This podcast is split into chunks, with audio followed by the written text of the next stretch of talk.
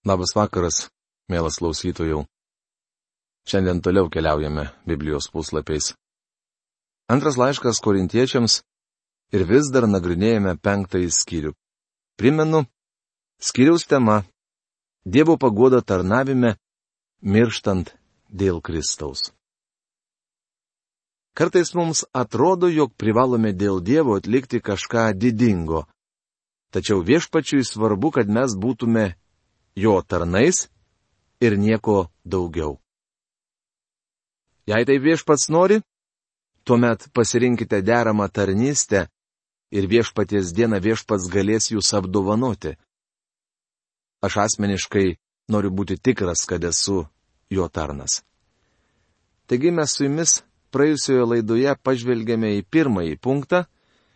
Tai yra vieną dieną aš, kaip beje ir jūs, privalėsiu stoti viešpaties akivaizdon ir duoti ataskaitą apie savo tarnavimą. Ši perspektyva skatina mus taip tarnauti, kad jam patiktume. Šiandien antrasis punktas. Viešpaties baimė skatina mus stengtis įtikinti žmonės. Taigi žinodami, kas yra bijoti viešpaties, mes stengiamės įtikinti žmonės. Dievui mes atviri. Ir tikiuosi, jog esame atviri ir jūsų sąžinėms. Antras laiškas korintiečiams, penktas skyrius, vienuolikta eilutė. Biblijoje daug kalbama apie viešpaties baimę. Mums sakoma, kad pagarbi viešpaties baimė yra išminties pradžia. Taip užrašyta patarlių devintos skyriaus dešimtoje eilutėje. Viena iš liberalaus tikėjimo dogmų teigia, kad nereikia bijoti Dievo. Liberalizmo šalininkai vaizduoja Dievą kaip švelnų, pataikūnišką ir atlaidų senelį, su kuriuo gali elgtis kaip tinkamas. Jie moko, kad Dievas yra visos žmonijos tėvas, o visi žmonės yra broliai. Tai viena iš baisiausių nūdien egzistuojančių doktrinų. Ar žinote, ką sako Dievo žodis? Laiško hebrajams 10 skyriaus 31 eilutėje pasakyta. Baisu pakliūti į gyvojo Dievo rankas. Nedalinkime žmonėms netikros duonos. Neskelbkime atskiestos ir pasaldintos Evangelijos. Mūsų Dievas šventas ir teisus. Jis myli jūs ir nori išgelbėti. Tačiau, bičiuli, jei neteisite pas Dievą jo nurodytų keliu, privalėsite stoti prieš visagalių teismą. Taigi, žinodami, kas yra bijoti viešpaties, mes stengiamės įtikinti žmonės. Šiandien retai kada prabylama apie bausmę ar teismą. Dėl to protestantizme vis mažiau vietos belieka Dievo teismui. Viešpats Jėzus sakė, jog buvo atėjęs ieškoti ir gelbėti, kas buvo pražuvę. Drauguži, baisu pakliūti į gyvojo Dievo rankas. Turime bijoti Dievo teismo ir suvokti, jog privalėsime jam duoti ataskaitą. Nenorime jums iš naujo prisistatinėti, bet duodame progą pasigirti mumis, kad turėtumėte ką sakyti žmonėms, besigiriantiems išorę, o ne širdimi. Antras laiškas korintiečiams, penktas skyrius, dvylikta eilutė.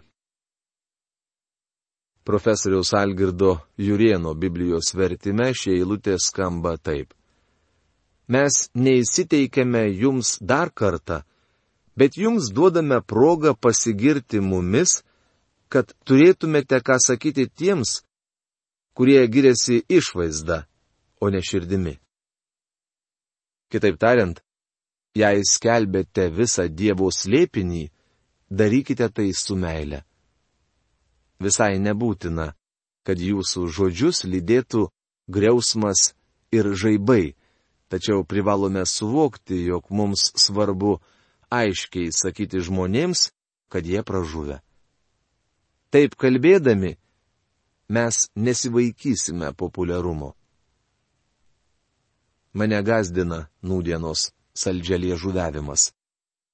Nuolat tiek daug dėmesio skiriama psichologiniams pokalbiams, kurie neva padeda žmonėms prisitaikyti visuomenėje. Leiskite pasakyti, kad jei gyvenate be Kristaus, jums reikia ne psichologinio prisitaikymo, o viešpaties Jėzaus, nes priešingų atveju jūs esate pragarui pasmerktas nusidėjėlis. Taip kalbėdamas, nepelnysiu jūsų populiarumo, tačiau toks yra Dievo žodis. Mes nesistengiame jums įsiteikti, nenorime, kad mumis girtumėtės. Svarbiausia mums yra skelbti visą Dievo slėpinį. O akstinas tai daryti yra žinojimas, jog mūsų laukia Dievo teismas. Šis faktas turėtų pažadinti daugelį užsnūdusių bažnyčių. Misionieriai nuolat kalba apie tai, kad kituose pasaulio kraštuose trūksta Dievo žodžio skelbėjų.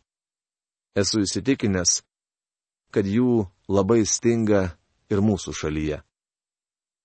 Junktinės valstijos šiandien yra vienas iš didžiausių misijos laukų. Mūsų tautiečiai yra pakeliu į pragarą. Jei mes nepersistengiame, tai Dievui. Jei esame nuosaikus, tai dėl jūsų. Antras laiškas korintiečiams, penktas skyrius, trylikta eilutė. Paulius sako, kad žmonėms jis gali atrodyti pamišęs. Apaštalas dėl to nesijaudina, jog visa tai daro dėl Dievo. Dar kiti gali jį laikyti nuosaikiu. Kągi, Paulius nuosaikus dėl jų. Trečia. Kristaus meilė valdomus. Kristaus meilė valdomus įsitikinusius, kad jei vienas mirė už visus, tai ir visi yra mirę. Jis yra miręs už visus, kad gyvėjai nebe savo gyventų, bet tam, kuris už juos numirė ir buvo prikeltas. Antras laiškas korintiečiams penktas skyrius, keturiolikta, penkiolikta eilutės. Dažnai žodis valdo, suprantamas klaidingai. Žmonės mano, kad Kristaus meilė mus apriboja, suvaržo. Netokia yra Pauliaus pavartoto žodžio prasme. Jis sako, kad Kristaus meilė stumia mus laukan. Ji mūsų akstinas. Kristaus meilė skatina mus skelbti Dievo žodį. Ji verčia mus veikti. Išversta profesoriaus Algirdo Jurieno vertime. Įsitikinusius, kad jei vienas mirė už visus, tai ir visi yra mirę. Štai kodėl Paulius keliavo po tolimus kraštus, skelbdamas Evangelijos žinę. Įsitikinusius, kad jei vienas mirė už visus, tai ir visi yra mirę. Žmonija pasmerkta mirčiai. Edeno sude gyvenęs Adomas buvo visų mūsų galva, senosios kūrinijos galva. Adome buvo mėginama toji senoji kūrinyje.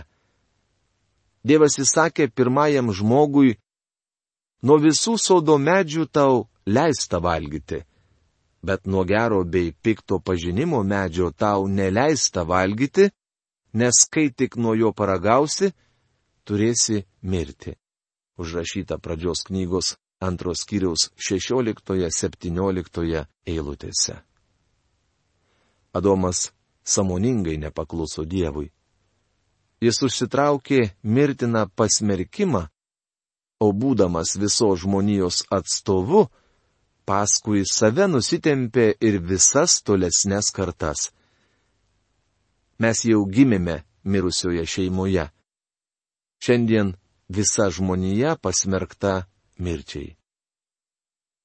Kažkas yra pasakęs, tą pačią akimirką, kai atsiranda gyvybė, ji ima merdėti rašydamas, nors eičiau per mirties šešėlio slėnį, Davidas kalbėjo ne apie gyvenimo pabaigą. Šis vyras norėjo pasakyti, kad visas gyvenimas yra tarsi ėjimas giliu mirties tarpekliu, kuris vis tamsėja ir siaurėja, kol galiausiai būname priversti peržengti mirties lengstį. Daktaras Ironsidas dažnai vartodavo neįprastą iliustraciją. Pateiksiu Jums savoją šios iliustracijos versiją. Už mano namo driekėsi graži kalnų virtinė, vadinama Sierra Madre. Ant vieno iš kalnų, vadinamo Wilsono vardu, pastatyta Heilo observatorija. Įsivaizduokime, kad Vilsono kalnas yra rojus, vieta, kur Dievas apgyvendino pirmąjį žmogų. Adomas turėjo viską, kas buvo jam į gerą. Tačiau vieno dalyko Dievas įsakė jam nedaryti. Adomas buvo benuodėmis. Ir štai jam reikėjo pasirinkti. Dievas liepė šiam vyrui nedaryti vieno vienintelio dalyko, tačiau Adomas nepakluso jis nusidėjo. Mes tai vadiname Adomo nuopoliu. Jis kūliais nusirito nuo to didžiulio kalno ir atsidūrė slėnyje, kuriame mes tebe gyvename ir šiandien. Nukritęs į slėnį, Adomas susilaukė palikuonių, kurie suformavo žmoniją. Palikuonys į šį pasaulį atėjo ne ant kalno viršūnės, kur dar būdamas nekaltas gyveno Adomas, bet slėnyje, į kurį nusirito jų protėvis. Viešpats Jėzus Kristus atėjo į šį pasaulį iš dangaus. Jis buvo be menkiausios dėmės ar nuodėmis - šventas, nekaltas, tyras, atskirtas nuo nusidėjėlių. Jis nusileido į žemę, kad išgelbėtų nusidėjėlius. Jėzus Kristus nenužengė ant kalno viršūnės, nes ten nėra negyvos dvasios. Visa žmonija slėnyje. Visi mirė savo nusižengimuose ir nuodėmėse. Taigi ką jisai darė? Ogi nusileido į slėnį. Atėjo į mirtiną vietą, kur tūno visa žmonija. Jis yra miręs už visus. Kadangi žmonės buvo mirę, jis nužengė į mirtį ir dabar prikelia tikinčiuosius naujam gyvenimui. Ar Jėzus Kristus sugražina juos į kalno viršūnę, kur kitados buvo Adomas? Ne. Jis pasiima tikinčiuosius su savimi į dangų. Tie iš mūsų, kurie tikime viešpati Jėzų Kristų, jau dabar sėdime danguje. Jis mus prikėlė ir pasodino danguje Kristuje Jėzuje. Rašo apaštalas Paulius Efeziečiams laiško antros skyriaus šeštoje eilutėje. Jei vienas mirė už visus, tai ir visi yra mirę. Jis užėmė mūsų vietą. Tad tie, kurie įtiki, yra prikelti kartu su juo. Jie prikelti ne tam, kad būtų sugražinti į kalno viršūnę, o vėliau vėl nuo ten nusiristų. Ne. Jėzus Kristus pasiima tikinčiuosius į dangų. Kristus užėmė mūsų vietą, tad mes privalome gyventi tikėjimu į jį, kad per tikėjimą gyvėjai nebe savo gyventų, bet tam, kuris už juos numirė ir buvo prikeltas. Kristus numirė ne vien tam, kad mus išvaduotų iš mirties ir teismo, bet kad iš mirties būsenos būtume prikelti naujam gyvenimui. Dabar mūsų gyvenimai turi būti pašvesti viešpačiui, kad nuo šiol gyventume Dievo garbiai. Dievo vaikui tai padeda kitomis akimis pamatyti žmoniją. Todėl nuo šiol mes nebenorime ne vieno pažinti kūno požiūriu, jei mes ir buvome pažinę Kristų kūno požiūriu, tai dabar mes taip jo nebepažįstame. Antras laiškas korintiečiams penktas skyrius, šešiolikta eilutė. Mes nebepažįstame žmonių kūno požiūriu. Dabar žiūrime kitomis akimis nei tuo met, kai priklausėme pasauliui. Pasaulyje yra tik pražuvę žmonės. Pažįstu filosofijos mokslų daktarą dėstytojaujantį Kalifornijos technikos universitete Pasadenoje. Jis skvarbaus proto vyras, tačiau pražuvęs, nes nėra Kristuje. Pažįstu ir kitą žmogų iš patvorio. Jis taip pat pražuvęs, nes jo gyvybė nekristuje. Todėl nuo šiol mes nebenorime ne vieno pažinti kūno požiūrių. Tai reiškia, kad mes nevertiname žmonių pagal jų kilmę, socialinę padėtį ar odos spalvą. Žinome, kad pagal senąją prigimtį visi jie pražuvę Kristuje. Tačiau Kristus numirė už juos. Jis numirė už filosofijos mokslų daktarą ir už patvoryje nakvojantį benamį. Kristus numirė už visus. Jokubas rašo apie tai antrame savo laiško skyriuje. Jis tvirtina, kad neteisinga garbingą vietą užleisti turtuoliui, kuris ateina į susirinkimą auksiniais žiedais apsimaustęs ir puikiais drabužiais pasipuošęs, o varguoliui liepti pastovėti prie durų. Kodėl neteisinga? Todėl, kad būdami Dievo vaikai mes privalome į visus žmonės žiūrėti kaip į nusidėjėlius, už kuriuos mirė Kristus. Šiandien nebėra skirtumo tarp žydo ir pagonio. Visa žmonija Dievo akivaizdoje yra nusidėjusi. Vienintelė išeitis - Jėzaus Kristaus Evangelija. Mes ne vieno nebepažįstame kūno požiūrių. Visi esame vienodi. Jei mes ir buvome pažinę Kristų kūno požiūriu, tai dabar mes taip jo nebepažįstame. Aš tikiu, kad Paulius Kristų pažinojo kūno požiūriu. Mano manimu, jis matė Kristaus nukryžiavimą. Negaliu įsivaizduoti, kad šis jaunas ir uolus fariziejus tuo metu nebūtų atvykęs į Jeruzalę stebėti Jėzaus egzekucijos. Prieš du tūkstančius metų Jėzus Kristus vaikščiojo šią žemę. Jis gimė Betliejuje, užaugo Nazarete, vaikščiojo po Galilėją, savo tarnavimą pradėjo Galilėjos kanoje, nuėjo į Jeruzalę ir mirė tenai ant kryžiaus, buvo palaidotas už miesto Juozapo kape, trečią dieną prisikėlė, pasirodė saviesiems ir pakilo į dangų. Bičiuliai, daugiau mes nebepažįstame jo kaip galilėjiečio. Nūdien šio žmogaus nebėra Galilėjoje. Per kalėdas minio žmonių traukia į Betliejų. Ko žmonės ieško? Ar kūdikio? Jo ten nėra. Atėjus Velykoms Jeruzalė užplūsta turistai. Mūsų prisikėlusio viešpaties nebėra tame mieste. Taigi daugiau mes nebepažįstame jo kūno požiūrių. Dabar šiuo momentu Jėzus yra danguje, Dievo tėvo dešinėje. Šiandien Kristus pašlovintas. Jei mes ir buvome pažinę Kristų kūno požiūrių, daugiau jo taip nebepažįstame. Mes sutapatinti ne su tuo Jėzumi, kuris prieš du tūkstančius metų vaikščiojo šią žemę, bet su tuo, kuris šiandien yra šlovėje. Štai kodėl sakoma, kad numirė su juo ir prisikėlė, dabar esame danguje Jėzuje Kristuje. Taigi, kas yra Kristuje, tas yra naujas kūrinys. Kas buvo sena praėjo, štai atsirado nauja. Antras laiškas korintiečiams penktas skyrius, septyniolikta eilutė. Čia skaitome stulbinantį teiginį. Leiskite žodį kūrinys pakeisti į žodį kūrinyje kas yra Kristuje, tas yra nauja kūrinyje. Mes dažnai girdime šią eilutę per liudyjimo susirinkimus.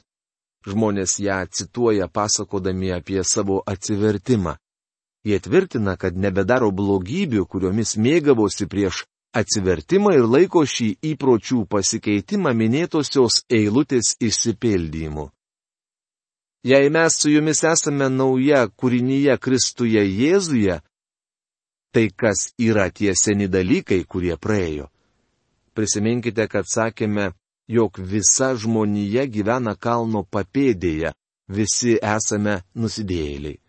Mums įtikėjus Kristų, seni giminystės saitai nutraukiami. Daugiau mes nebetapatinamės su Adomu, daugiau nebesame susijęti su pasauliu. Dabar mes priklausome Kristui. Buvome pakrikštyti į tikinčiųjų kūną ir priklausome jam. Kas sena praėjo, o nauja yra mūsų naujas santykis su viešpačiu Jėzumi Kristumi. Nuo šiol mes gyvybiniais saitais susaistyti su pašlovintu Kristumi. Kalbėkime labai praktiškai. Nusileiskime ant žemės prie kasdieniškų dalykų. Galbūt paklausite, žinau, jog tai nuostabi eilutė, bet kaip galiu būti tikras, jog esu nauja kūrinyje Kristuje? Paklausykite, ką sakė viešpats Jėzus. Iš tiesų, iš tiesų sakau jums, kas mane atsiuntusi tiki, tas turi amžinai gyvenimą ir nepateks į teismą, nes iš mirties yra perėjęs į gyvenimą. Rašoma Jono Evangelijos 5 skyriaus 24 eilutėje. Ar esate įtikėjęs viešpati Jėzų Kristų? Ar juo pasitikite? Jei taip, tuomet jis užtikrina jūs, kad turite amžinai gyvenimą ir nepateksite į teismą, nes iš mirties esate perėjęs į gyvenimą tai padaro jūs nauja kūrinyje, nepajungta teismui ir mirčiai. Jūs perėjote į gyvenimą. Nesistengkite savo įsitikinimo grįsti patyrimais. Jūs nauja kūrinyje, nes taip sako Jėzus. Mes privalome remtis Dievo žodžiu.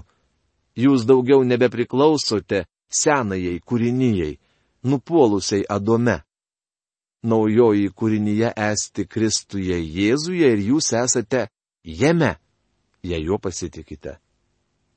Mums nuolat grėsia pavojai ir gundimai. Yra tiek daug galimybių suklupti ir patirti nesėkmę.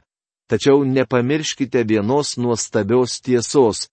Viešpats Jėzus Kristus atpirko mus ir jame mes esame nauja kūrinyje. O visa tai iš Dievo, kuris mus per Kristų sutaikino su savimi ir davė mums sutaikinimo tarnystę. Antras laiškas korintiečiams penktas, skyrius 18 eilutė. Sutaikinimo tarnystė yra Dievo kvietimas viso pasaulio žmonėms ateiti pas jį su savo nuodėmėmis, naštomis, problemomis bei sunkumais ir susitaikinti su Dievu. Norėčiau šiek tiek plačiau pakalbėti apie sutaikinimą. Šis žodis du kartus pavartotas minėtoje eilutėje, du kartus kitoje ir dar kartą tolimesnėje. 21 eilutėje nerandame šio žodžio, tačiau ten apibendrinama tai, kas anksčiau buvo pasakyta. Sutaikinimo tema be galo svarbi, kaip ir pastraipa, kurią dabar studijuojame. Pirmiausia, leiskite pasakyti, kad sutaikinimas nėra tas pats, kas išgelbėjimas. Sutaikinimas tai žingsnis toliau. Tai daugiau negu nuodėmių atleidimas ir dieviško teisumo patenkinimas. Kas yra Kristuje, tas yra nauja kūrinyje. Pastebėkite, jog čia kalbama apie dievišką į sutaikinimą. Tai jis sutaikė mus. Visą tai iš Dievo, kuris mus per Kristų sutaikino su savimi. Tas pats pakartojama ir kitoje eilutėje bet tą pakartojimą mes su jumis nagrinėsime jau kitoje mūsų laidoje. O šios dienos laikas baigėsi. Ačiū uždėmesi. Laukiame jūsų laiškų ir iki malonaus sustikimo. Sudė.